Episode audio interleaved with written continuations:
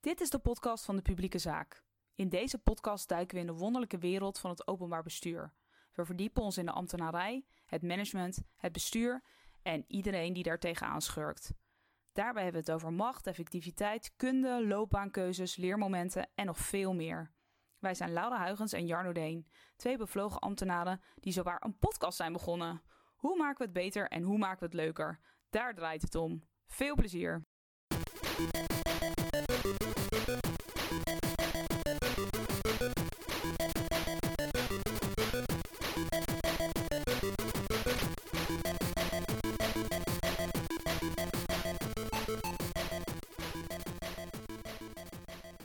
Oké, vandaag zijn we te gast bij de gemeente Rotterdam in het Timmerhuis. Ehm, we spreken vandaag met Loes van der Beek.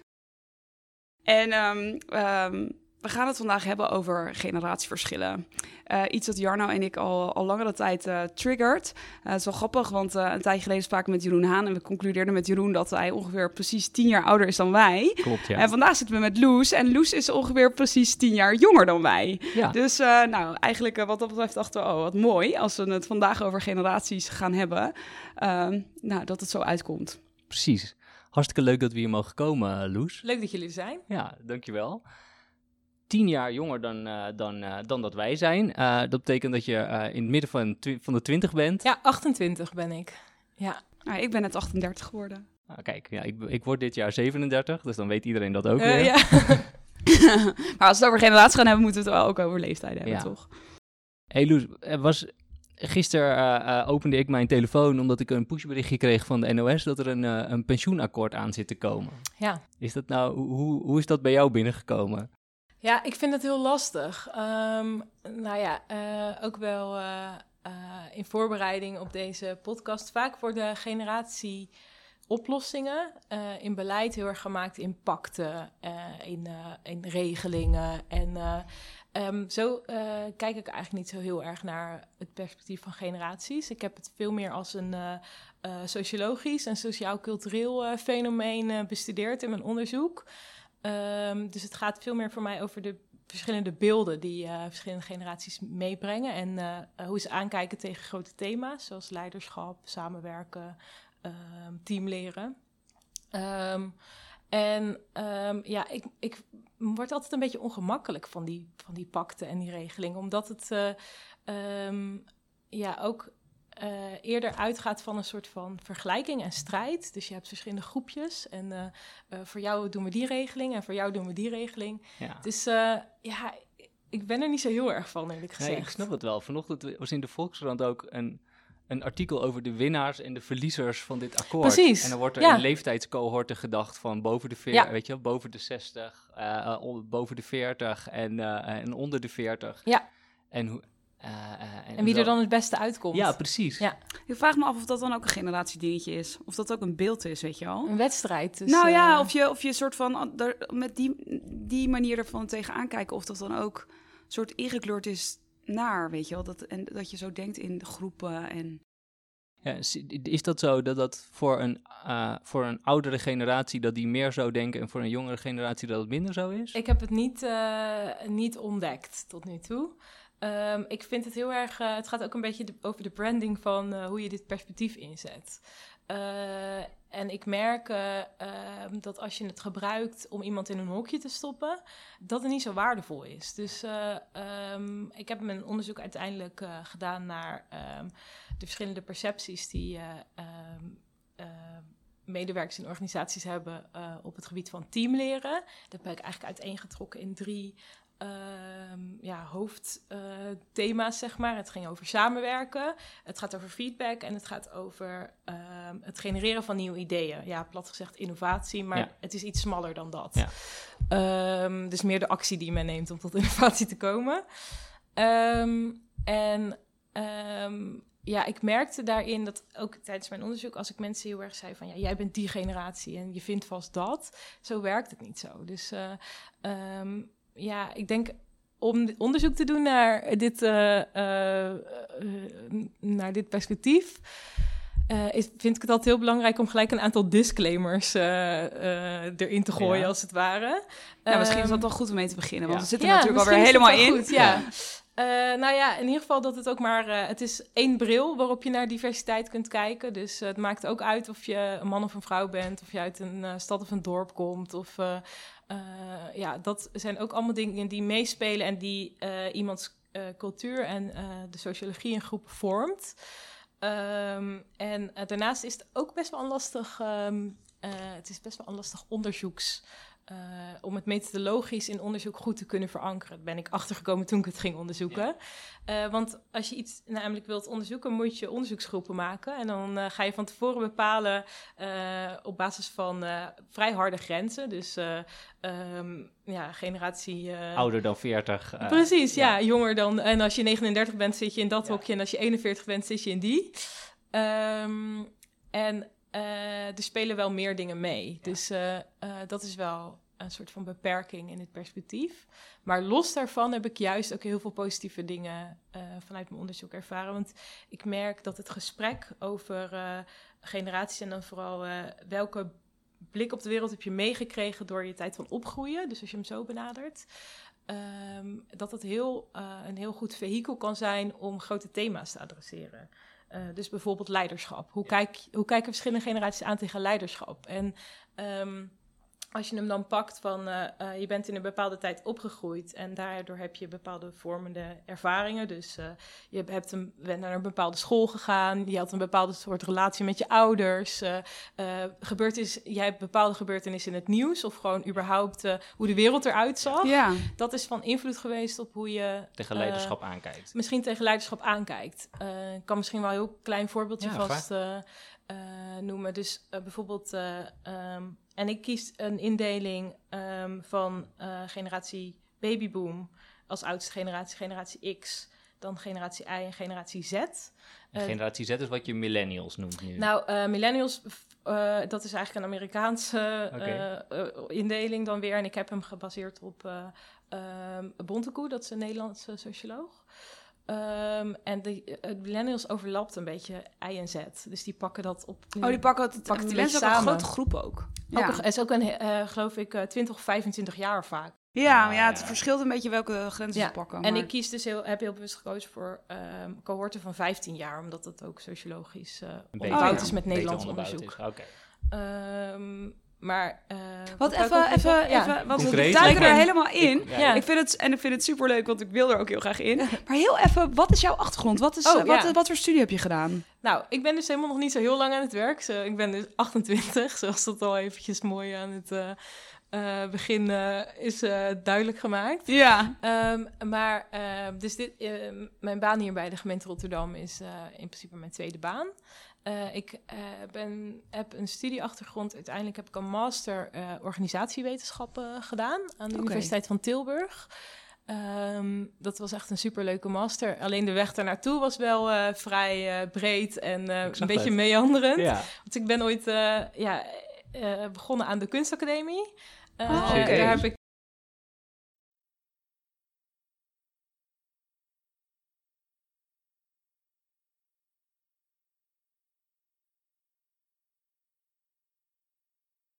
Ja. Ja, ik snap wat je bedoelt.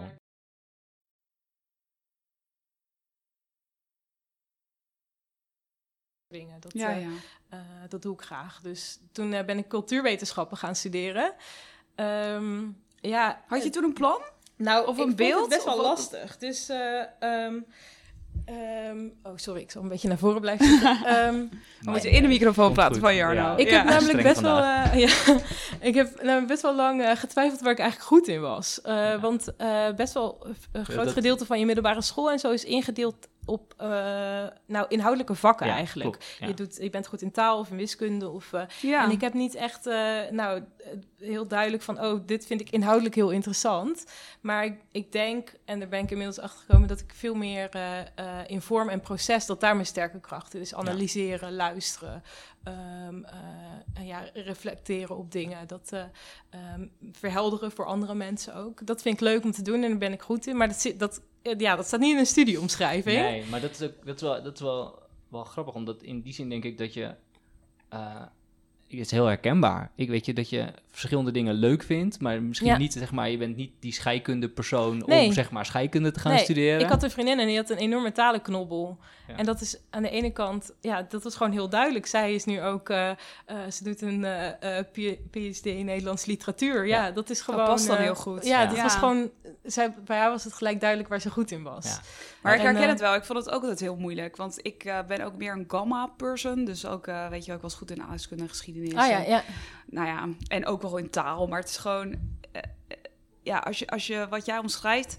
denk ik, oh ja, dat is inderdaad eh, een mooi, mooi verwoord. Dat dat niet... Dat, dat, dat daar, daar is niet één studie is daar oké voor. Nee. Of het is niet één, eh, één interessegebied. Ik denk dat het misschien ook wel kenmerkend is voor mensen... die meer generalistisch kunnen kijken... en juist van heel veel dingetjes een beetje weten... en Ja. Dingen in- aan elkaar kunnen knopen. Is dat in die zin ook niet een soort generatieding? Omdat je, denk ik... Ja, weet ik niet. Ja, ik denk dat er nog steeds ook mensen in mijn generatie zijn. Nou ja, Die- zoals die die, vriendin met die Ja, want ik, zei, ik, ik, ik Ingenieur herken het. Ja. Oeh, sorry. ik mag niet met mijn handen praten, op mijn hand zitten. Ehm, maar ik herken het heel erg. Ja. Ik, ik heb namelijk ook heel erg gezocht naar wat, voor, wat, wat is dan een goede studie. En, Ja. eh, en, en ook, ik heb ook bij een adviesbureau gewerkt voordat ik bij het waterschap Hm. kwam. En daar was ook altijd, dan helpt het heel erg zeg maar, dat je een duidelijk profiel hebt. Hè? Ja. En dat je een soort van verkoopt en ook als junior soort van aangeeft, want ik wil daar naartoe Ja. groeien. En ik wist het nooit. Nee. ja. Oh, wat moeilijk. Ja. Ja, Ja, als ik ook kijk, eh, bijvoorbeeld eigenlijk, ehm, eh, want die bachelor cultuurwetenschappen eh, was echt een hele leuke studie en Ja. heb ik heel veel aan gehad. Ehm, en, eh, maar wat ik er het meest uit heb gehaald is de manier van leren en studeren die ze daar aanbieden. Dus ze, ze noemen dat probleemgestuurd onderwijs, geloof ik. Dus je gaat dan vragen bedenken op basis van de informatie die je leest. En die, die vragen ga je met elkaar beantwoorden. Dus dat is eigenlijk een, een leervorm die heel erg bij eh, analyseren, bespreken aansluit. Dus daar je leert een manier van vrij denken. snel in. Ja. Ja. Terwijl ook op de middelbare school was het gewoon echt een beetje eh, nou, doorzetten en eh, tanden op elkaar. Ja. Maar ook wel heel vaak dat ik eh, eh, ja, gewoon in die klas zat en dacht... oh, eh, wat ga ik vanmiddag eigenlijk doen? Of eh, ik was ook heel snel al afgeleid of zo. Ja, ja. Ehm, maar zo'n eh, verzamelbakstudie zoals eh, cultuurwetenschappen dan is... maakt het ook heel lastig om inderdaad je volgende stap te bepalen. Dus Ja. waar ben Ja. je dan van? En eh, ehm, toen ik toen richting mijn master... Nou, die bachelor afgerond ging ik nadenken over master. Toen dacht ik, oh ja, als je een master kiest... dan moet je wel bedenken wat je daarmee wil worden. Want, eh, Ja. En toen dacht ik, ja, ik weet eigenlijk helemaal niet... wat voor banen er bestaan... eh, en welke ik dan leuk vind. Dus eh, ik heb daar, ja, dat herinner ik me nog wel echt als een moment dat ik dacht, nou, waar, waar ga ik in hemelsnaam uitkomen? Ik weet het gewoon niet zo goed. Was wel ik- echt zoeken. Ik, Ja, weet ja, het, ja. ik weet het ook nog niet hoor. Dus Ja. dat, is, dat is de andere kant van waar ben je nou echt goed in? Dat is, daar, ja, daar ben ik zelf ook nog mee bezig. In Ja, van- tuurlijk. Nee, je hoeft het ook. Ik bedoel, eh, Ja. ik weet ook dat ik het niet Ja. al helemaal hoef te weten. Maar ik merk wel dat ik nu al minder zoekend daarin ben. En eh, ja. ik, als ik dan terugkijk naar mijn eh 22-jarige zelf, dan eh, zou ik mezelf wel eens een dagje mee hebben willen nemen waar je dan niet terecht bent gekomen en dat deze baan be- bestaat, bij wijze van Ja. spreken. Dus, ja, eh, die goed past bij jouw profiel en zoals Ja. jij bent. Ja, ja. Ja. En dat geeft dan ook weer rust. Ja, Ja. dat heeft me Ja. wel veel meer rust Ja. gegeven. Ja. Ja, dat is wel grappig, leuk. want dat is dan ook wel weer...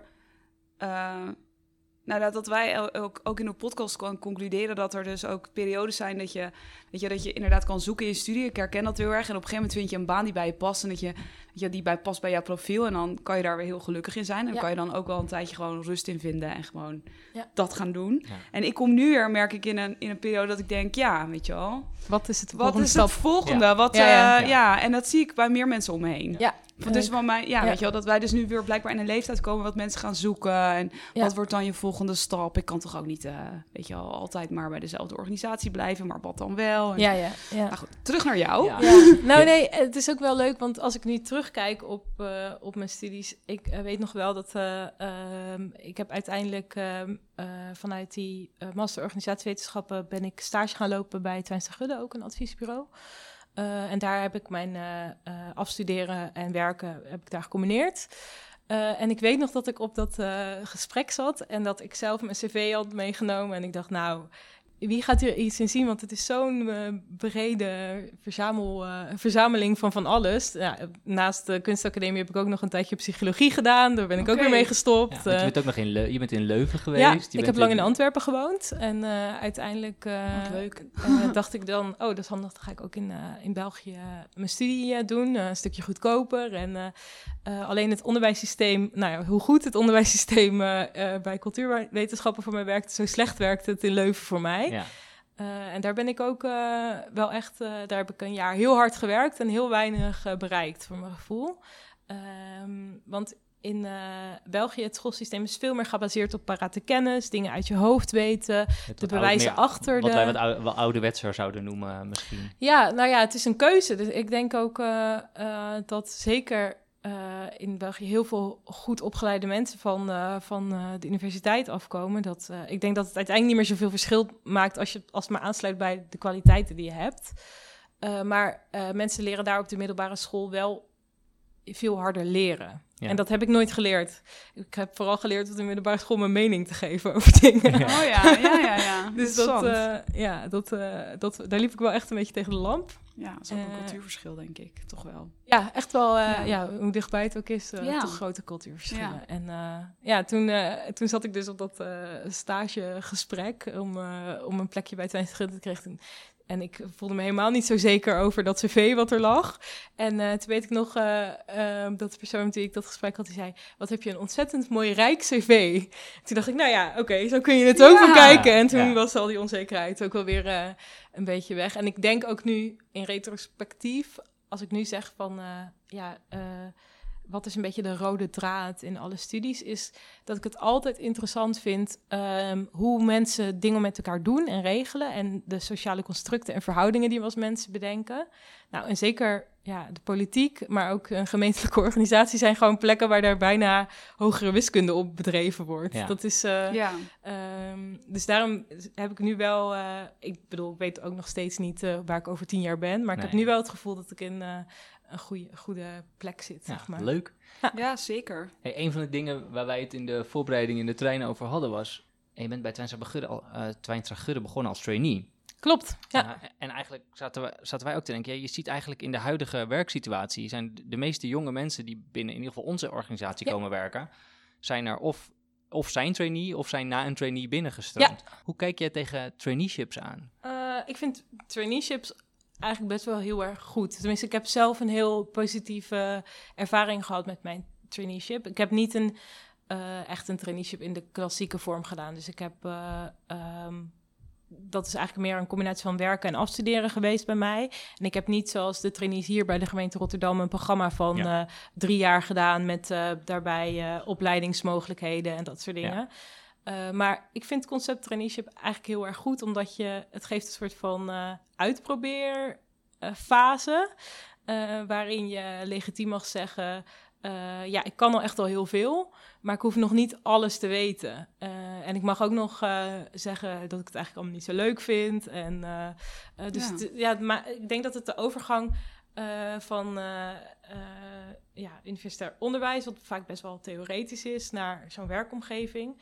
Ik vond een van de ja, moeilijkste dingen in het begin van hoe gaat het eigenlijk in zo'n organisatie? Ik, ja. ik bedoel, ik was er nog nooit geweest. Uh, uh, ik heb ook niet. Uh, mijn ouders zijn allebei zelfstandig ondernemer. Dus die, ik heb altijd ook niet bijvoorbeeld een oom die al bij de politie werkt en die vertelde over hoe het in zo'n grote organisatie ja. werkt of ja. zo. Of, en mijn opa die liep altijd eerder een beetje hoe ambtenaren die, die liggen eerder dwars dan dat ze iets voor je doen, weet je wel. Die zit alleen maar uit het raam te kijken. Als hij nu weet dat ik voor de gemeente. Hij is al een aantal jaar geleden overleden. Als hij nu zou weten dat ik voor de gemeente Rotterdam. Ik, uh, ik stel me dat gesprek wel eens voor, wat we dan zouden hebben.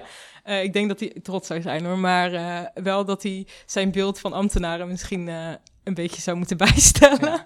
Want, hoe, want hoe keek jij tegen ambtenaren aan en, hoe, en is dat dan veranderd? N nou, nee, ik, keek, ik had gewoon geen beeld hoe het werken in een organisatie eruit zag. En daar ja. heeft dat traineeship mij heel erg bij geholpen.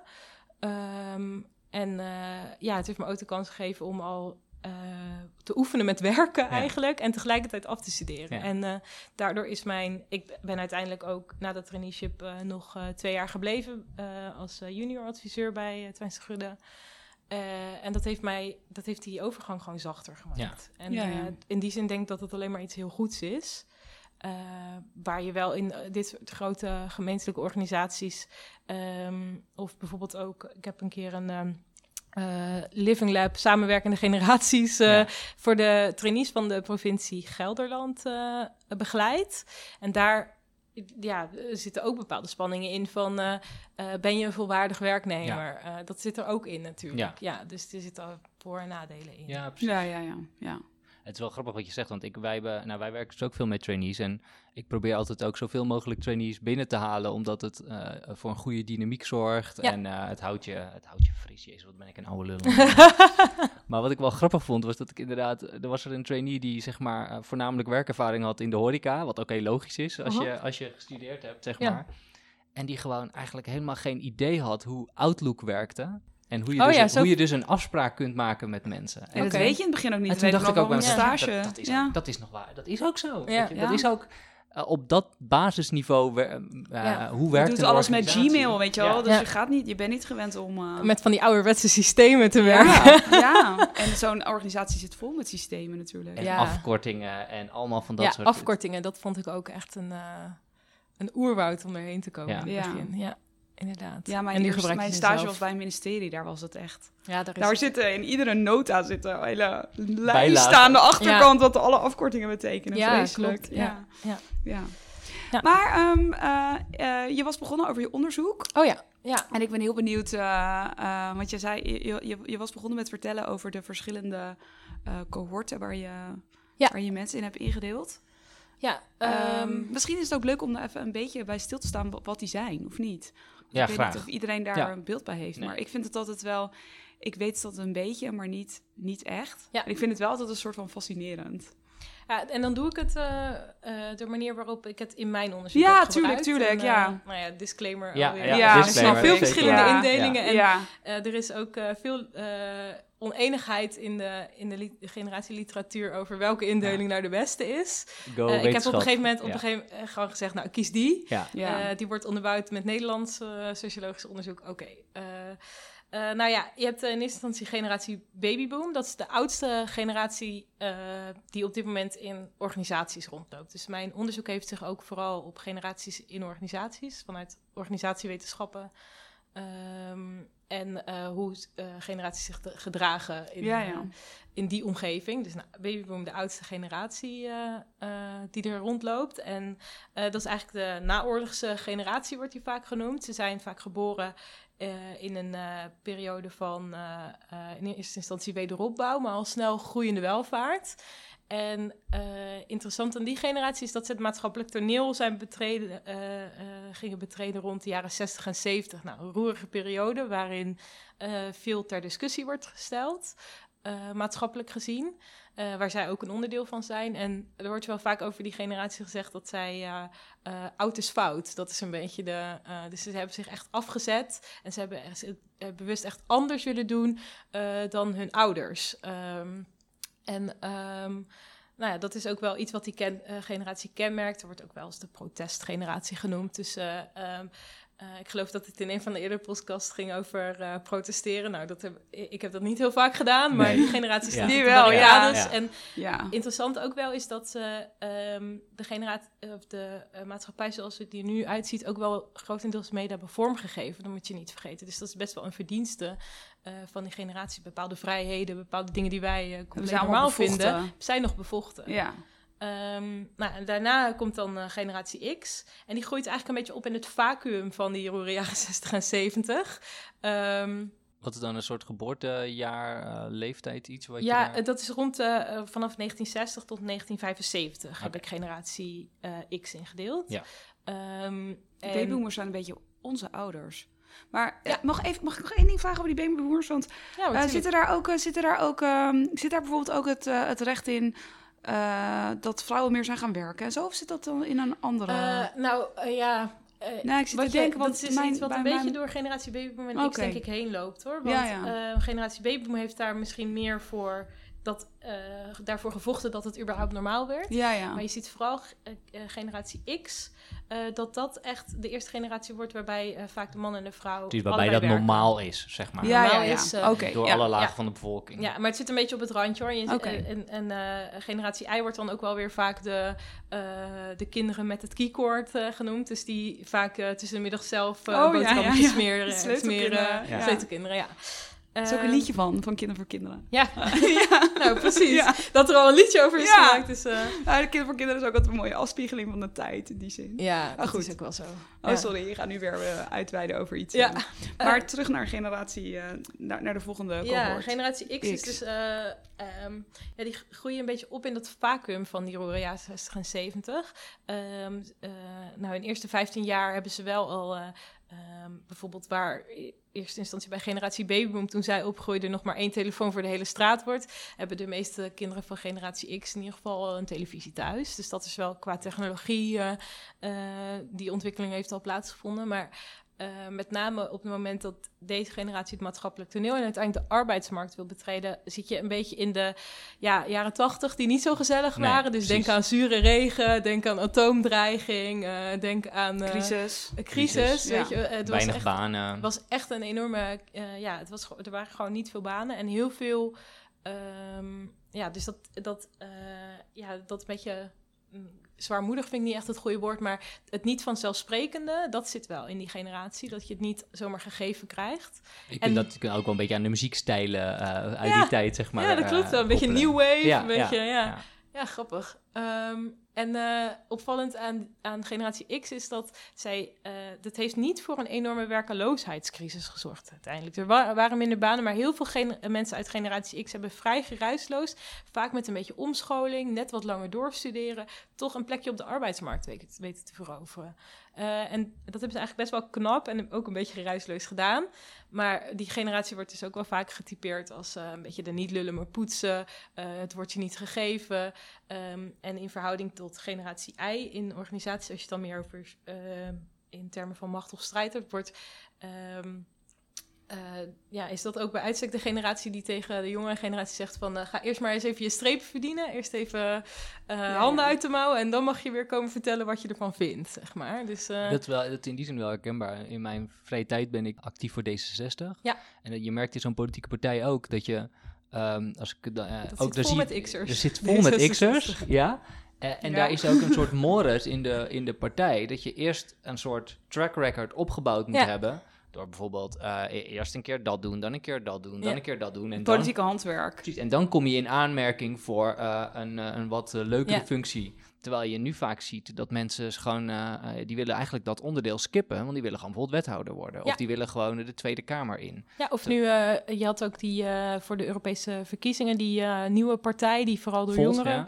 waar iemand van eh, 16 op de die zelf niet eens mag stemmen, Ja. die staat wel op de kieslijst. En dat Ja. zou D66 denk ik niet zo snel, eh, eh, nou ja, misschien uiteindelijk wel, maar eh, Rob Jetten wordt als een jong iemand beschreven, ja. terwijl hij eh, eh, ook de 30 al gepasseerd Ja, is. ja. Dus Ja. en dat is natuurlijk in verhouding met alle andere Ja. mensen die in de Tweede Kamer zitten ook jong. Nee, maar het is, het is wel grappig, want je- ziet dat wel, dat er een soort eh, pad wat bewandeld moet worden Ja. is. Eh, zo wordt dat wel ervaren, door, de- deels ook door die generatie, Ja. denk ik. Maar dat is ook, eh, dat heeft die generatie ook veel gebracht. Hè? Eh, ehm, ja, dit is gewoon een heel resultaatgerichte generatie. Ja, dat hoort er ook En, bij, eh, eigenlijk een beetje. ja, dat is wel iets wat, eh, eh, ja, resultaatgerichtheid is echt iets wat ik uit de perceptie op samenwerken voor die generatie X wel heel erg heb teruggekregen. zeg Ja, maar. ja, ja.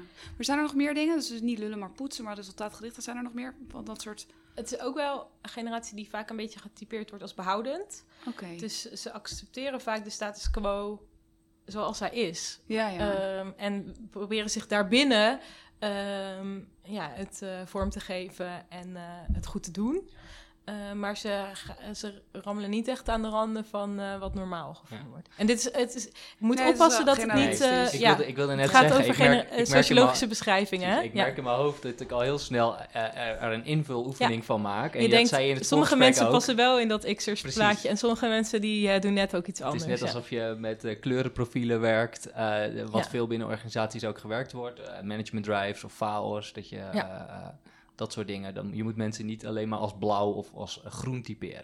Ja, ja. Die disclaimer zetten we er ook nog Ja. even bij. Maar ik merk in mijn Ja. hoofd dat het wel, zo werkt het wel. Je gaat Ja. meteen in hokjes denken. Ja. Dat, is wel, dat is wel lastig. Ja. Ja, en het kan ook juist weer heel veel brengen, want er is wel een soort van algemeen beeld dat dus wel iets doet met hoe mensen tegen werk aankijken. Ja, Eh, ja. en het werkt uiteindelijk wel door in hoe, wat normaal gevonden wordt in organisaties. Hoe je aankijkt tegen leiderschap, Ja. hoe je aankijkt eh, Ja, er zitten wel lijnen in. tegen van die grote thema's. Ja. Nou, en dan heb je vervolgens generatie I. Je zei het net al, onze ouders we zijn vaak de eh, generatie babyboom. Dus generatie I is vaak, zijn vaak de kinderen van generatie babyboom. Eh, en die generatie babyboom die had gedacht, ik ga het super anders doen dan mijn ouders. Die hebben dat ook heel erg in hun opvoeding proberen door te voeren. Dus ze, hebben vaak een, ze geven vaak een vrije opvoeding aan hun kinderen. En eh, ehm, ja, generatie I is ook, eh, ja, dat, die zijn, eh, dat, ik heb ze ge- ingedeeld tussen 1975 en 1990. Ehm, Dus daar vallen wij in. Ja. ja. Ja. en ik net niet meer. Ja. Dat is eh, Oké. grappig. Ja, ja, ja. je, Ja. Dat je zei die tien jaar verschil. Ja. Ehm, eh, en eh, die generatie I is opgegroeid in een periode van eh, steeds meer groeiende welvaart juist. Heel anders dan generatie X. Ehm, en, eh, maar ook met in, een, ehm, in een wereld waarin eh, grenzen steeds minder belangrijk werden. Dus eh, het nieuws vanuit eh, eh, de Golfoorlog eh, Ja. waren een beetje de eerste beelden, weet je wel. En Ja. dat, dat werd al normaler. Eh, en ook eh, op een gegeven moment kreeg je internet. Dus eh, chatten met mensen aan de andere kant van de wereld. Dat eh, was niet doen. telefoonverbinding. Ja, Ja, die hele, ja, die ja. hele. Dus, globaliseringsidee. ja. En het is ook wel dat... Ik ben ook wel opgegroeid in die steeds grotere welvaart. Maar ook het idee dat de wereld toegroeide naar... Hè, Fu- eh, Fukushima is dat volgens mij. eh, eh, de, dat op een gegeven moment is de wereld af. Hè? Dit is, maar, we zijn, we zijn gewoon goed nu. In de jaren negentig was dat een beeld ook binnen de wetenschap van...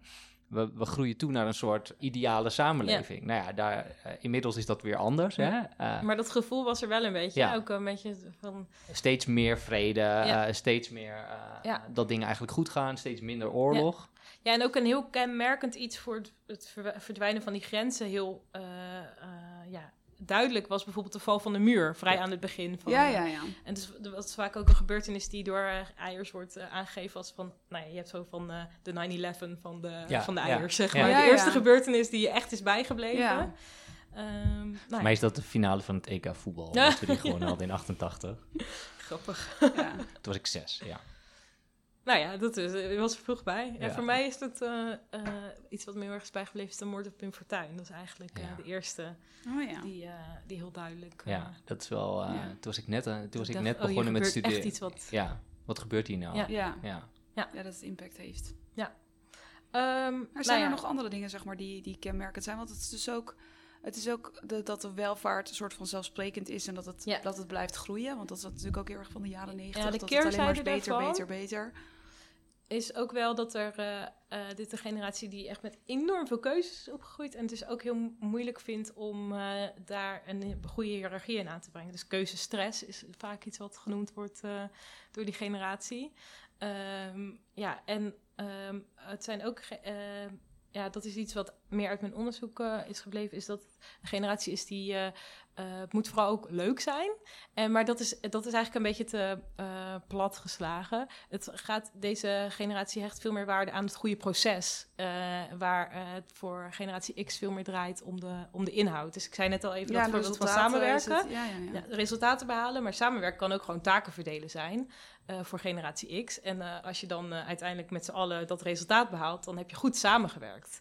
Eh, en ik heb gemerkt eh, in alle gesprekken die ik heb gevoerd dat voor generatie ehm I is een goede samenwerking, een samenwerking waarbij je eh, een goede relatie had. Of eh, waarbij het proces taai was, maar je bent er goed doorheen gekomen. Of eh, eh, dat zijn vaker dingen die worden genoemd. Natuurlijk willen eiers ook resultaten behalen. Nee, maar dat- precies, maar... Ja, maar op een Ja. andere manier. Er zit er Ja, nog iets achter. zit een nuanceverschil. Ja, in. ja, ja. Zeker. Ja, en dan de laatste generatie, eh, of de jongste generatie, generatie Z. Ehm, ja, die heb ik eh ingedeeld 1990 tot 2005. Ehm, en eh, mijn onderzoek is ook alweer eventjes geleden, maar dat is gewoon een generatie die eh, nog maar gedeeltelijk ook in organisaties. Uh, ja, die beginnen uh, nu net binnen beginnen net met werken. Ja, en ook een heel groot gedeelte, want toen ik mijn onderzoek deed, waren dat mensen van tussen de 10 en de 25. Ja, ja dat, tien jaar die- ga je niet kunnen meenemen. Nee, en die zijn ook nog niet. eh, je hebt ook nog niet een eh, duidelijk beeld van hoe die eh, het aankomen op dat maatschappelijk toneel, hoe die vormende periode, hoe het, Ja. die Ja, doorwerkt. hoe het Dus spectrum er dan het uitziet. is lastig Ja. om daar. Ik vond het heel lastig om daar echt een eh, goede duiding. Misschien ook wel omdat ik het zelf, omdat ik er zelf inval hoor, dat het Ja. eh, dichterbij komt. Maar het is ook nog aan de gang, zeg maar. Dus dat Ja, is voor het een is deel kun je dus- nog ja. niet helemaal duiden. Maar wat we er wel over kunnen zeggen is, nou, dit is een generatie die echt, eh, waar generatie I daar nog een beetje in de overgangsfase zit. Dit is een generatie die echt opgegroeid is met digitale communicatie. Internet is compleet normaal. Dat was er altijd en dat zal er altijd zijn. Ehm, en eh, die globalisatie is alleen maar meer geworden. Ehm, en het is ook wel een eh, eh, generatie waarin het, in het gezinsleven ehm, het geluk van het kind heel centraal stond en ook een bepaalde gelijkwaardigheid. Dus ik kan me bijvoorbeeld van mijn eigen opvoeding heel erg herinneren. Natuurlijk waren er regels, maar mijn mening telde net zo goed als de mening van mijn ouders. En ik vind eh, zelf een voorbeeld daarvan bijvoorbeeld het jeugdjournaal. Dus dat er nieuws wordt gemaakt speciaal getailored op kinderen. Dat is natuurlijk, ja, eh, dat zou in de tijd van generatie babyboom zou dat niet Nee. een concept zijn geweest waar mensen aan hadden gedacht, zeg maar. Ja.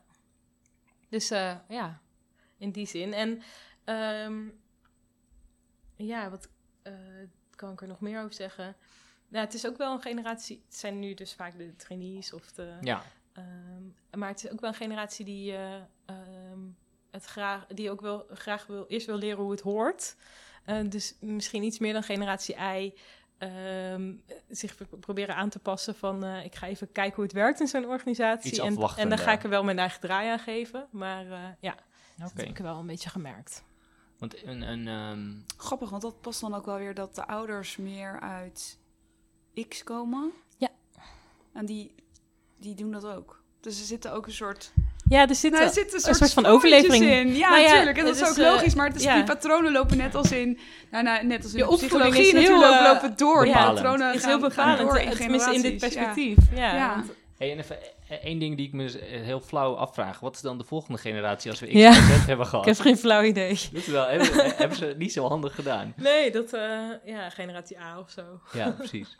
Ja, en een vriend van mij die werkt eh, overigens in, ehm, in, eh, in het buitenland. Eh, maar die zei ook wel van ja, ik, eh, hij werkt in de ICT-sector. Dus dan, ja, dan neem je ook echt mensen vers van de universiteit natuurlijk ook gewoon aan. En zei ja, het is wel, het is wel ander type mensen dan dat, dan dat wij zijn. Vanuit Z, dus is anders dan, dan I. Ja. Omdat ze toch een andere manier hebben van. ze, moeten iets, ze willen iets meer aangestuurd worden. Ze willen iets meer. ehm, eh, ze zijn iets minder zelfstandig dan ik zelf bedacht, dan ik, dan ik zelf was. Ja. Zeg maar. Dat heeft hij me wel eens gezegd. Is dat, klopt dat een beetje met wat jij nu zei? Of is dat gewoon een. Nou, mijn onderbuikgevoel zegt van wel. Ehm, ik heb het in mijn onderzoek gewoon niet zo goed kunnen aantonen. Ook, eh, ik heb maar een heel klein gedeelte zetters. eh, dus ik heb eh, mijn onderzoeksgroepen waren Ja, grote die- organisaties in Nederland. En daar heb ik verschillende teams gepakt. Eh, en die heb, daar heb ik eh, eh, per generatie groepsinterviews mee gedaan. En ja, in die teams zit heel vaak maar één zetter. Of er zat er geen. Of, Ja, dus precies. het was ook een beetje... Ehm, ja, dat is wel een van de, ehm, ja, hoe heet het, terug, mijn Ja. onder, dat is gewoon mist in mijn onderzoek. Precies, maar los ook van of dat klopt of niet, is dat wel een soort.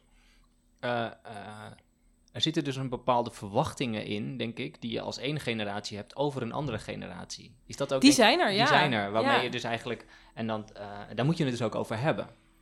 Eh, nou, eh, wat ik dus ook aan het begin al een beetje zei, ik denk dat het een nuttig gesprek kan zijn als je dus bijvoorbeeld grote thema's hebt en iedereen heeft daar een bepaalde vanzelfsprekend beeld bij, dan kan het, ja, dan kan het van toegevoegde waarde zijn om daar vanuit het perspectief van generatie een gesprek over te voeren. Ja. Omdat het je doet beseffen dingen die je misschien al van een andere generatie steeds aannam. Of dat je dacht dat vanzelfsprekend waren, was omdat jij dat ook, omdat jij er zo tegenaan Ja. kijkt.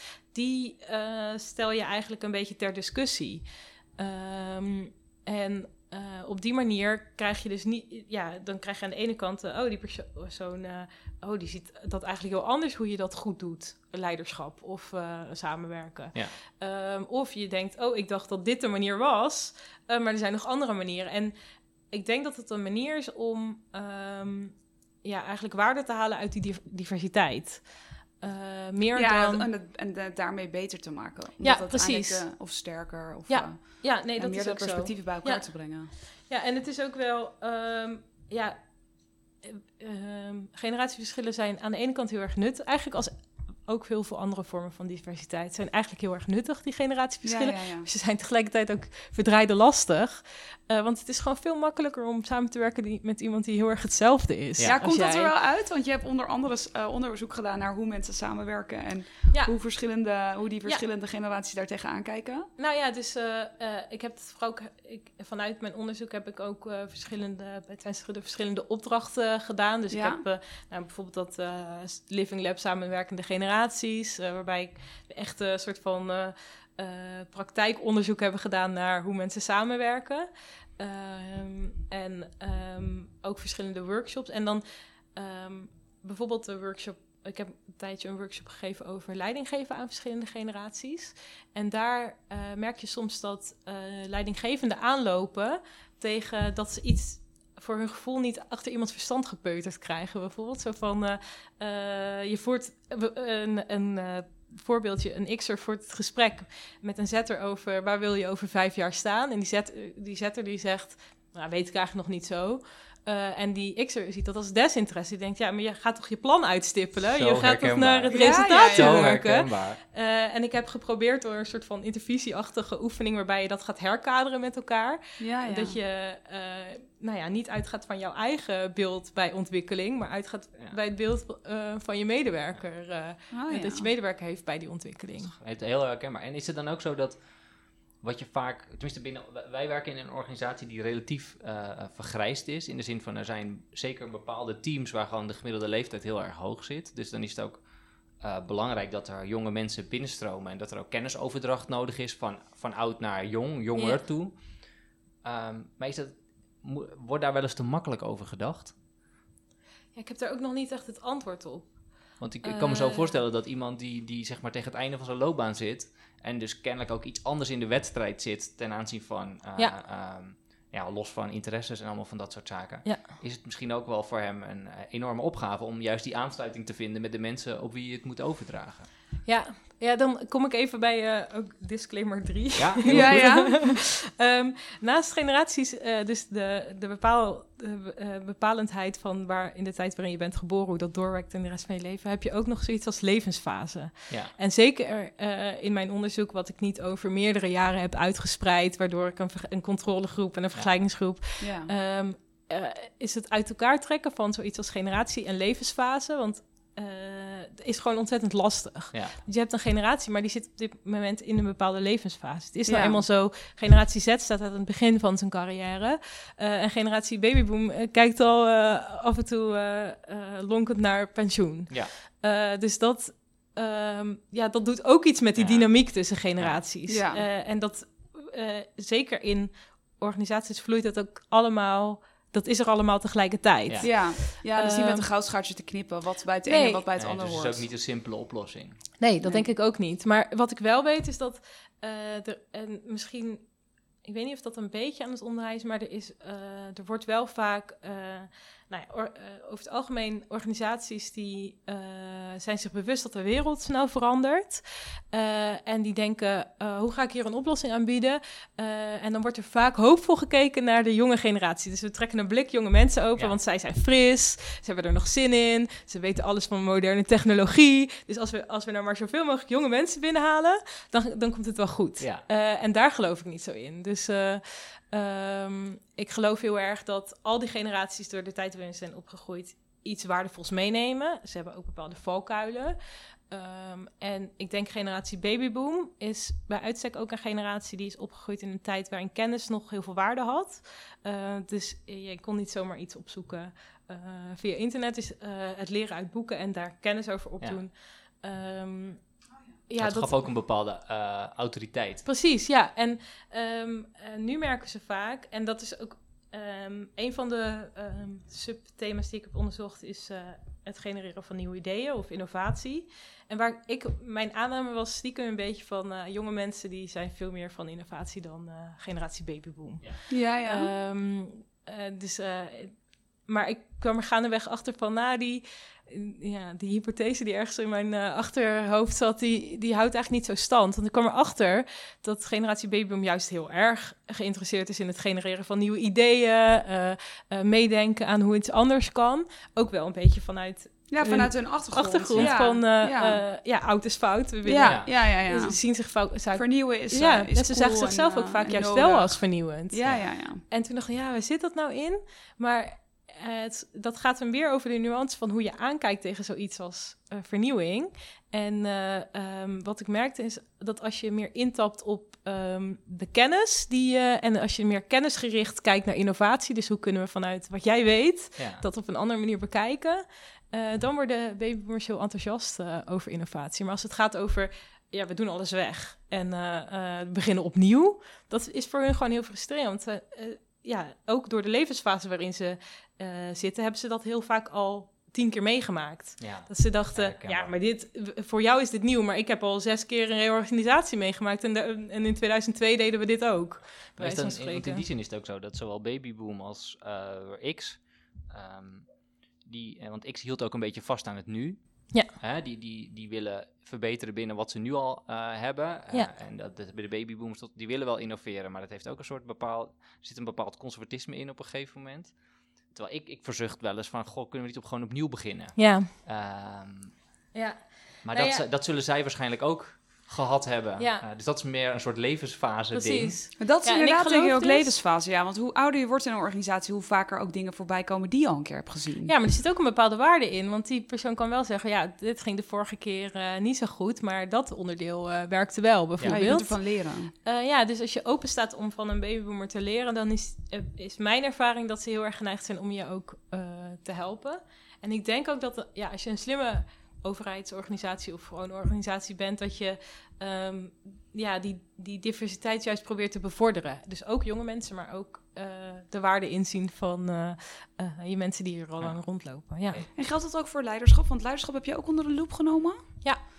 Ehm, want wij werken bijvoorbeeld, Jorn en ik werken in een organisatie waar, waar ons kader, of eigenlijk ons, met name onze, nou, onze leidinggevenden vrij oud zijn. En ik moet zeggen, er zijn er ook weer, ze hebben nu een soort van stel nieuwe managers ergens neergezet, maar die zijn allemaal dezelfde. Het is dezelfde leeftijd, hè? Ze zijn allemaal even oud. Dus dat zegt ook iets over Ja. hoe zij aankijken tegen de wereld. ja, dat is En dan ik vraag zou ik me het af eerder zeggen van hoe, eh, eh, neem wat mensen van verschillende leeftijden. Maar ergens is het ook wel weer logisch eh, eh, dat je een beetje werkervaring hebt voordat je leiding gaat geven. Ja, dat is, dat is op Ehm, zich logisch. Je hebt enige levenswijsheid misschien nodig dat dat helpt. Ja, en, eh, Maar- en, eh, ik bedoel, ik ben, eh, dit is mijn tweede baan en ik ben vooral aan het, in de afgelopen drie jaar aan het uitzoeken geweest hoe het eigenlijk werkt in zo'n organisatie. Ja, tuurlijk. En om dan het aan te sturen, dan denk ik, nou, dat is. eh, ehm, maar ik merk bijvoorbeeld waar ik nu werk, dat er al best wel veel ruimte aan wordt geboden. Om, ik, ik heb daar ook wel gesprekken over nu met mijn leidinggevende. Van ja, op termijn zou ik dat best wel leuk vinden, eh, bijvoorbeeld teammanager zijn. Of, eh, Ja. eh, maar ik, ik weet ook wel dat ik misschien nu nog even het.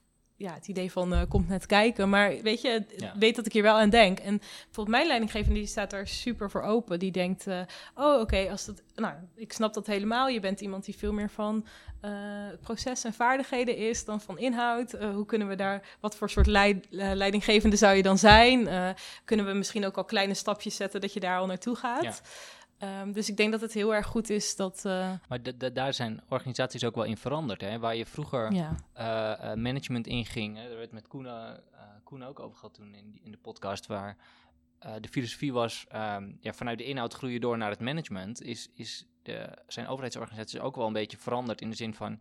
Die inhoud is belangrijk. Daar kun je ook specialistisch adviseur in worden. Dus je kunt ook groeien in de in de inhoud, in plaats Ja. van dat je altijd de lijn in moet. Want eh, anders zijn alle goede mensen ook meteen maar manager. En een, een goed iemand op de inhoud is niet per se een goede manager. Dus, Ja. dus daar, die ontwikkeling zie je ook wel steeds meer. Ja, en ik denk ook, ehm, ik heb eh, toen liep ik nog stage, maar dan heb ik ook uh, meegewerkt aan een actieonderzoek dat heette We Generate Leadership. En dat is eigenlijk gestart vanuit, uh, uh, vanuit Twijns Gudde. en twee collega's van mij, generatie I allebei, die vroeg zich af van, ja, generatie X zit voor een groot gedeelte in alle overheidsorganisaties, maar ook andere organisaties nu op dit moment op de leidinggevende positie. En generatie I lijkt een beetje op de drempel te blijven trappelen van uh, ja, dit is onze volgende stap, maar gaan we het doen, gaan we het niet doen, weet je wel. Ja. Uh, en daar hebben we ook uh, nou, hebben we een actieonderzoek op ingericht en zijn we vooral heel erg gaan kijken van wat zijn nou de beelden van die verschillende generaties um, bij leiderschap. En iets wat bij generatie A ook wel uitkwam, um, ja, is dat je dat je binden aan een vaste plek voor langere tijd vormgegeven door de manier waarop generatie X vorm gaf aan leiderschap, dat voelt niet altijd zo aantrekkelijk. Dus uh, mag je dan ook, op het moment dat je in die leiders, leidinggevende positie stapt, mag je daar dan ook jouw invulling aan geven van hoe je denkt dat het werkt. En dat kost denk ik ook gewoon een beetje tijd. Ja, kun je daar een oh, maar dat vind ik heel interessant, ja. Ja, um, ja een, een, voorbeeld was bijvoorbeeld over... Uh, um, um, een generatie eier die kwam met een nieuw idee. Uh, en um, die dachten, nou, dit, dit is goed voor onze organisatie. Laten we misschien zo, uh, uh, zo hier iets mee doen. En, um, maar eigenlijk wilde... En die ging daarbij daar haar leidinggevende. En toen was het een beetje van, oh ja, goed idee. Nou, hier heb je een zak geld, ga maar doen. Dat is wat de reactie van die exit. Terwijl die eier dacht, ja, maar ik wil, ik wil het niet alleen doen. Ik wil het met jou doen. Dus het gaat een beetje over de verhouding tussen faciliteren en samen doen. Terwijl ehm, eh, die generatie X uh, leidinggever die had zoiets van, nou, ik heb ik heb je alle mogelijkheden, alle, alle kansen. Je, krijgt alle ruimte, je krijgt alle kansen om dit te doen. Dus uh, en, en nou ja, ergens kwam dat dan niet echt van de grond. Uh, en wat er dan ook een beetje ontstaat, is zo van ja, ja, ze zeggen wel dat ze willen, maar ze stappen niet in. Of weet je wel, dat zijn wel een beetje oordelen die dan ontstaan doordat je elkaar niet echt begrijpt. Ja. Uh, maar, maar dat is, want, want ik zat wel... Um, um, in de voorzit hadden we het ook over, of eigenlijk met onze podcast met Koel van Bremen hadden we het ook over van... Goh, weet je al, onze generatie, de generatie van Jarno en ik... wij zijn de generatie I, staan inderdaad op de drempel. We krijgen steeds meer invloed, steeds meer macht. Maar de X'ers en de babybooners, die zitten er eigenlijk nog. Ja. Dus wij zijn eigenlijk soort van uit de, hè, uit de eerste fase aan het komen... en willen nu wel, willen ook hebben... En we, en we hebben inmiddels misschien ook af en toe het idee van... nou, bedoel de respect, misschien kunnen we het wel beter... of kunnen we wel iets toevoegen... of jongens, weet je, we hebben inmiddels iets anders nodig. Ja. Maar, maar hikken ook heel erg aan tegen... de structuren die er zijn. Weet je, als je leidinggevende moet worden, ja, op die manier heb ik er echt geen zin in. Ja. Weet je, dat, dat hoor je volgens mij, hoor ik in mijn, in mijn vriendenclub ook heel, heel veel. Zo van, nou, weet je, misschien wil ik wel gewoon inderdaad meer op de inhoud door en uh, meer strategie. En uh, nou ja, weet je, terwijl als je, uh, dan heb je het nog steeds te doen, zeg maar, met de leidinggevende die, die, die, die er zitten. Ja. Dus ik, ik herken wel wat je zegt, ja, van dat je die structuren, in, dat die structuren ook zo beknellend kunnen zijn voor hoe wij het willen doen. En inderdaad, en ook de ruimte krijgen van, nou weet je, doe jij het maar zoals jij het wil. Weet je, je krijgt de ruimte, maar geen opdracht, geen... Weet je, dat je daardoor ook weer een soort van verzandt in, ja, wat, wat wil ik dan? Hoe moet ik het dan aanpakken? En je hebt, je hebt nou eenmaal te verhouden tot de uh, structuren die vaak door uh, generatie babyboom zijn vormgegeven ja. in zo'n organisatie en door generatie X. En die zitten al nog in de top bij ons. Opgenomen. Ja. Precies. Uh, die we daar vasthouden. Ja, en wat we wel merkten is dat generatie I eigenlijk de eerste generatie is die dat heel erg ter discussie gaat stellen. Maar dat is lastig, want dingen zijn ook ooit met de beste bedoelingen bedacht. Ja. hoe verander je dat? Ja. Uh, zonder dat alles weer helemaal eruit gegooid moet worden. Ja, uh, ja dus dat... Uh, we moeten ook eerlijk zeggen... Um, ik heb ook niet een soort van uh, klip en klaar antwoord wat ik daar nu op uit kan rollen. Anders was ik denk ik nu uh, ja. organisatiegoeroe geworden. Ja, ja, ja. Dat is ook... Het kan nog. Maar we merken wel heel erg dat het gesprek en, en de verschillende beelden die daarbij bestaan... en dat uh, expliciet maken met elkaar. En vervolgens uh, nou ja, uh, kijken van, oh, oh, als dit dus in onze organisatie is, wat kunnen we dan specifiek bij ons veranderen? Dus bij uh, Twente Gudde is dat op een gegeven moment, um, ze waren ook, um, naast dat we het actieonderzoek vanuit ons organiseerden, waren er naast een heel aantal organisaties zoals PostNL en Egon um, en nog een ander adviesbureau. Waren, zij ook onder, waren er ook mensen van ons onderdeel van het actieonderzoek. Uh, en toen is er wel het gesprek aangegaan van, uh, nou bijvoorbeeld uh, de partnerstructuur. Is dat eigenlijk nog wel van deze tijd? Dus dat is een heel specifiek ja. onderdeel, wat wel heel kenmerkend is voor die, hoe die organisatie is opgebouwd en ja. ingericht. Werkt dat eigenlijk nog als we kijken naar andere generaties en, ja. en hoe zij het aankijken tegen werk en privé? Ja, precies. En, en het feit dat daar al het gesprek over gevoerd kon worden, ik weet niet of het inmiddels nou, echt al anders het, is. Nou, had het er nog over dat het nog steeds wel, het, staat in ieder geval, het is in ieder geval op, de, agenda gekomen van, nou, dit is iets wat die generatie eiers uh, niet allemaal, hè? Dus dan gaan we. Nee, maar ze zitten niet per se allemaal op te wachten. Ik snap wat je bedoelt. En het gaat uiteindelijk, uh, volgens mij is, jou, is, jouw punt ook, het zorgt in ieder geval voor, voor bewustwording. Ja. En vanuit die bewustwording, uh, er is niet een quick fix. Nee. nee. en er is ook altijd een balans nodig van die generatie I die iets in gaat geven, maar tegelijkertijd dat er ook iets verandert, zodat ze dit wel. Nou ja. dus dat. Uh, maar ik vind, wel, ik vind het wel interessant hoe die transities plaatsvinden. Ja. En volgens mij is, dat, kun je dat, is het ook moeilijk om dat te pakken en te duiden.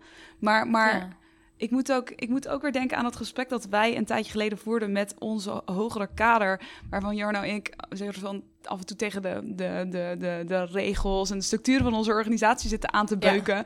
En dat ze werkelijk de mensen tegenover ons echt ons zaten aan te kijken van waar hebben jullie het over? Jullie hebben toch alle ruimte? Jullie krijgen van alles voor elkaar. Jullie staan er heel goed op. Weet je, wat, wat is jullie probleem? Weet je wel?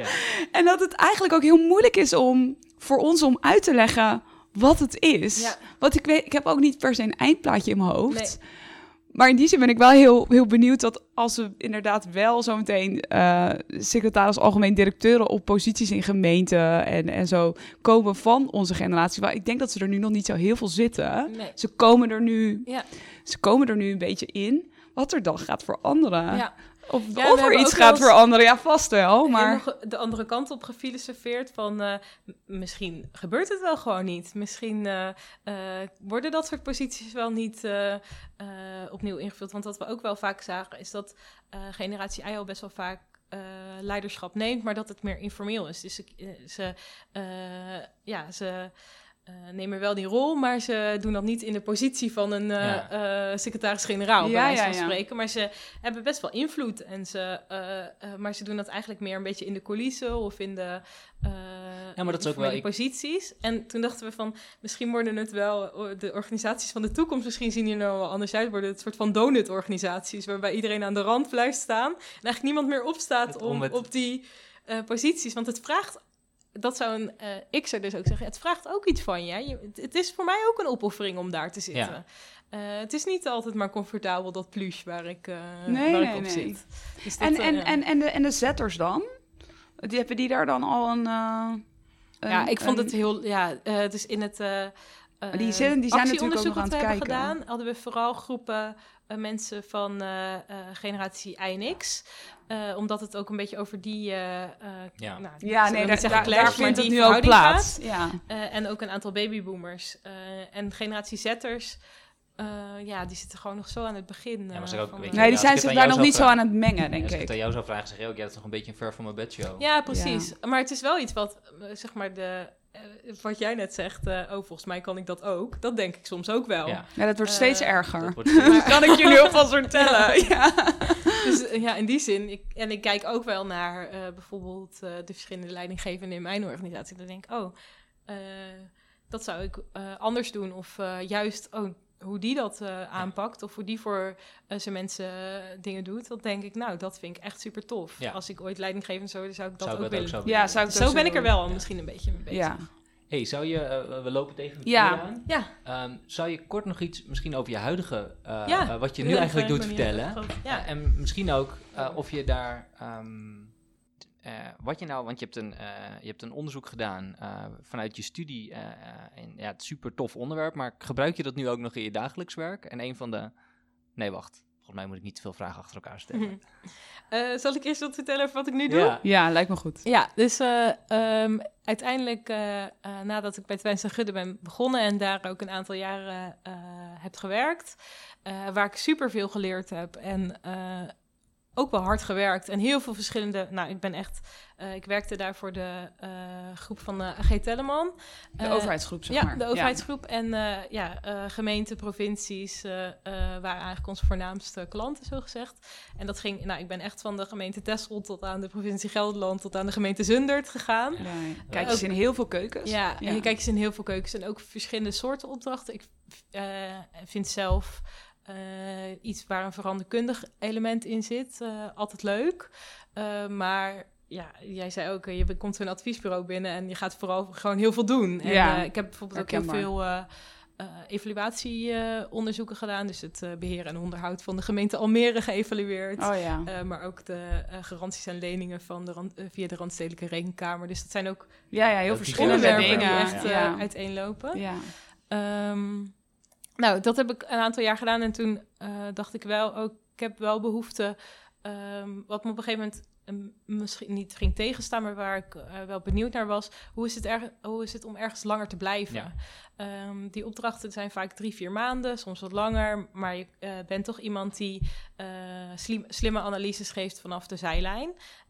En uiteindelijk ja, geef je iets mee en ga je weer weg. Ja, ja. En wat Eh, gebeurt er dan mee? Ja. Ja, en ik vond het ook gewoon wel leuk om een keer langer ergens onderdeel van te zijn. En, eh, Ja, die kijken- langlopende processen zijn ook heel interessant Precies. bij, eh, bij Ja. overheidsorganisaties. Ja, dus dat Ja. is eh, eh, iets waarvan ik dacht, nou, oké, dan ga ik eens even kijken wat, eh, eh, wat ik daarin kan doen. En toen, ehm, ik dacht wel, het lijkt me wel heel leuk om dan bij een grote overheidsorganisatie te werken. Juist omdat ehm, de opdrachten die ik heb gedaan waren vaak ook voor wat kleine gemeenten. Zit je sneller bij een wethouder of een eh, burgemeester aan tafel.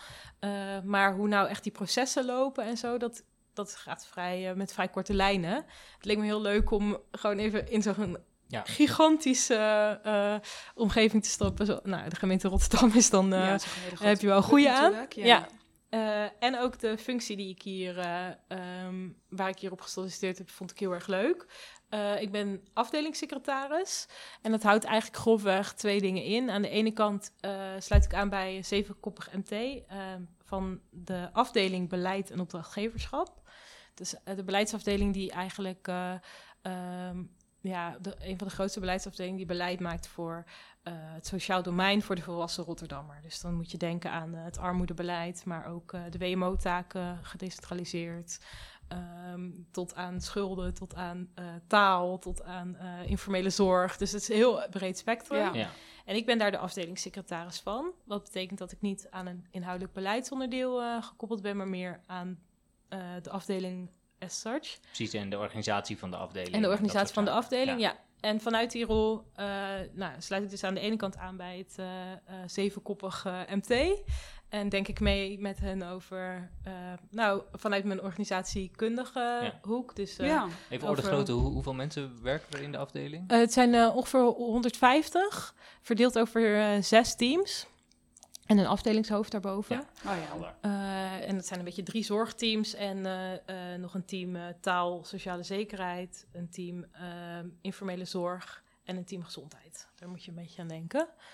Ehm, ja, en eh, daar denk ik dus voor mee over hoe kunnen we het beter en leuker maken in onze afdeling. Dus Ja. dan denk eh, In de dingen- breedte dus ook. Ja. ja, eh, dingen zoals het jaarplan, maar bijvoorbeeld bestuurlijke sensitiviteit is ook een thema waar we veel mee bezig zijn geweest. Dus hoe. Eh, eh, Hebben we nog een leuke podcast over. Ja, wij hebben Ja, vrienden van de show, eh Ja. Oh, wat leuk. Mout en Marieke van het Oh politiek- ja, van ja, het nou die zijn er natuurlijk eh Ja. die zijn wat heer en meester in wat Ja, dat wat ons betreft is geweldig. Daar hebben we een hele leuke podcast mee. We hebben ook een leuk boekje.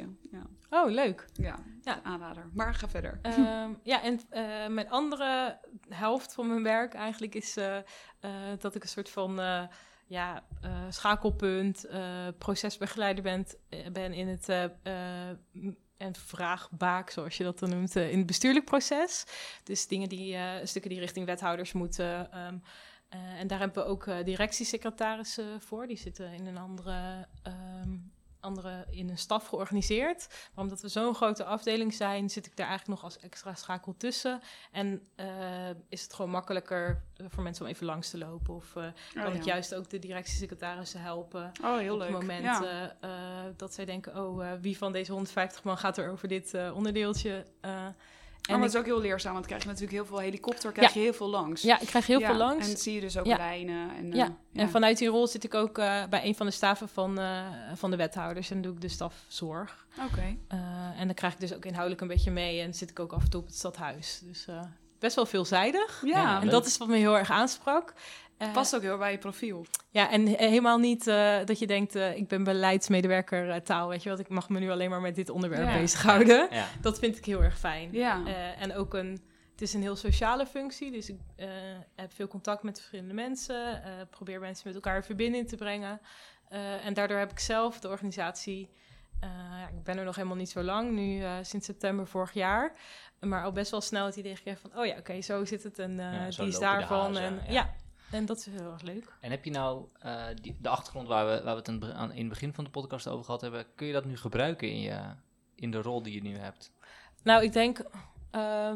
één op, ik geef hier geen colleges over generaties. Dat, eh, eh, maar één, het is één op één neem ik het.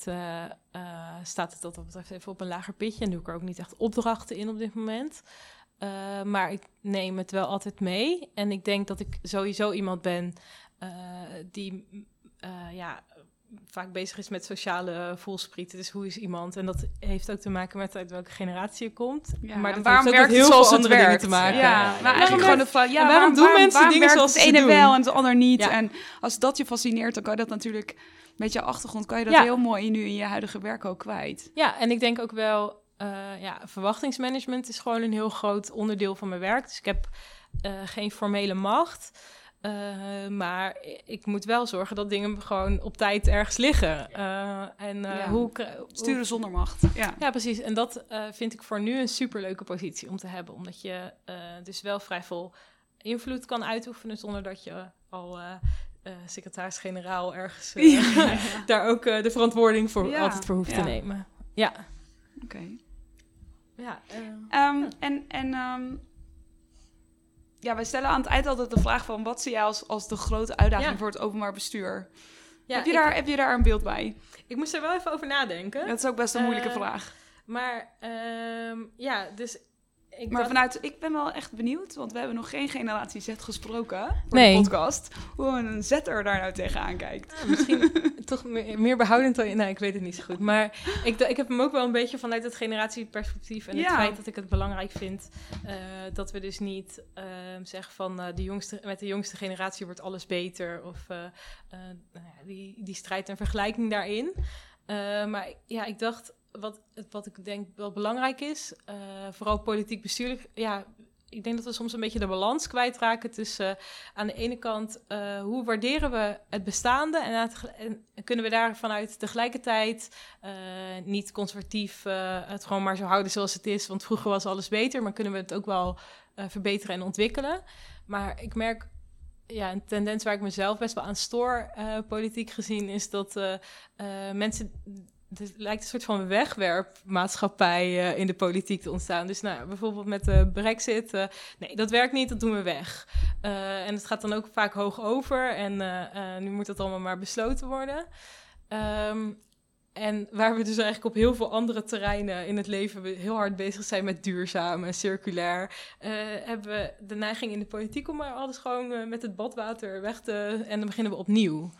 En ik geloof daar niet zo in, eerlijk gezegd. Ik denk ook dat het een beetje een illusie is dat je ehm, helemaal opnieuw kunt beginnen. Want je hebt je altijd te verhouden tot wat er al was. Dus Ja, er is ook iets als potafhankelijkheid. En, Precies, ja, ja. En, en het is er ook gewoon. En ja, het is er ook. Het is er al. Dus, Ja, eh, dus helemaal met een niet- schone lei beginnen, dat, eh, ja, dat bestaat misschien niet echt. En eh, ik vind het dus wel heel een uitdaging en interessant om te kijken van hoe kunnen we het toch beter maken? Want er zijn gewoon, ja, de, het is ook. Eh, de wereld is ook anders dan hoe het er eh, eh, in de jaren zestig uitzag. Dus hoe kunnen we toch meebewegen? En jij gaf net al heel interessant aan van in de jaren negentig hadden we een beetje het idee dat we bij het ideale plaatje Ja. uitgekomen waren. En toen was er weer van alles waardoor we dat niet meer dachten. En nu is misschien eerder de tendens nog omgeslagen van, nou, het perfecte plaatje. Het is allemaal echt ruk en het moet vooral zo snel mogelijk verdwijnen. En Ja, en het is, het is ook een wereld waar, waar een soort oog om oog, tand om tand modus ja, ja, gevonden wordt. ja, en het is ook heel erg, eh je ziet er een beetje twee eh, antwoorden op. Van, eh, we doen het gewoon weg en we gaan terug naar hoe het was. Of we doen het gewoon weg en we beginnen helemaal opnieuw. Uh, maar beide ja, lijken niet echt. Uh, uh, nou, ik heb tot nu toe nog niet enorme succesverhalen daarvan gezien. Dus ja, ik denk, hoe kunnen we een soort van dat. Ja, die balans tussen de, de waarde van wat we al hebben en. Um, daar toch misschien incrementeel vernieuwen of zo. Ja, ja. ja dat is wel, op zich is dat wel een Zonder als een behoudende x'er te klinken. Nee. Maar ja, het is, ik dacht, ik, toen dacht ik ook een beetje het gedachte-experiment van hoe kunnen we dat... Misschien kunnen we het onderwerp van generatie ook wel... Ik gaf al aan van, ik vind dat een interessant vehikel om te praten over grote thema's.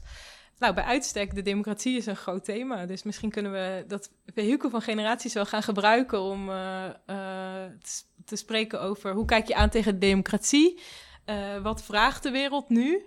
Uh, en hoe kunnen we dat met elkaar beter maken? Dus dat uh, is een mooie afsluiter. Ja, super interessant. Ja, ik ben er nog niet aan begonnen. Dat is iets nee, wat me gisteren... ja, echt. ja, maar die kunnen wij ook meenemen. Maar het is wel inspirerend. Dat kunnen wij wel meenemen naar een vervolg, ja, Dankjewel. Naar vervolggesprekken. Superleuk, Louis. Dankjewel. Nou, ja, jullie oh, ik, kan hier, ik kan hier nog echt... Ik ben er gaat heel veel om in mijn hoofd. Ik kan nog echt uren doorpraten, ja. hoor. Dat ja. is geen probleem. Dankjewel voor dit gesprek. Ja, superleuk. Dankjewel. Dit was de podcast Publiek Werk, gemaakt door Jarno Deen en Laura Huigens. De muziek is van Bart de Jong. Vond je dit nou leuk? Vertel het dan alsjeblieft aan je vrienden, familie en collega's. En vergeet niet om onze podcast een recensie en sterren te geven. Dankjewel.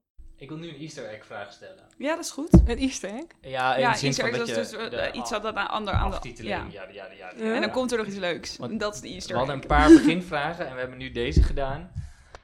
Maar we hadden ook een andere beginvraag kunnen stellen. Dus die ga ik nu, die ga ik nu even doen, gewoon als in de nazit. Um, hey Loes. Um, dit is eigenlijk een eerste gesprek van ons met een generatie uh, Z. Mm -hmm. En daarom kan ik aan jou ook daadwerkelijk deze vraag stellen. Luister jij, wat is jouw favoriete podcast? Oh ja, dat ging me ook nog vragen. Wat is mijn favoriete ja. Um, ik luister heel graag podcasts. Uh, en um, ja, er hangt is een soort van tweestrijd tussen. Ik vind het heel leuk om uh, waar gebeurde verhalen. Dus ik, uh, je hebt de laatste tijd um, waar die waar gebeurde verhalen een beetje gedramatiseerd worden, zijn bij uitstek dingen zoals Serial of uh, De Brand in het Landhuis. Ja, als Nederlands. Oh, ja, Daar ben ik echt helemaal ingezogen. Ja, ja, herkenbaar. Maar ik vind podcast ook gewoon heel erg leuk, uh, um, meer uh, informatief. Dus nou, jullie podcast vind ik heel leuk. Zonder, daarom ben ik ook heel vereerd dat ik erin zit. Maar um, ja, dat soort podcasts. Dus bijvoorbeeld ook van de correspondent luister ik graag podcast en oh, dat soort dingen over actuele zaken en daar een blik op van, uh, van iemand anders. Heb je nog andere dingen die je met heel veel plezier geluisterd hebt of zo? Want volgens mij is iedereen altijd... Het is altijd moeilijk om te zoeken in podcasts. En gelukkig heb je nu wel iets meer rubrieken in kranten en zo die er ja. bij stilstaan. Maar soms heb je ook... Uh, ja, ik luister vooral andere nieuwe podcasts omdat mensen me getipt hebben. Ja, ja.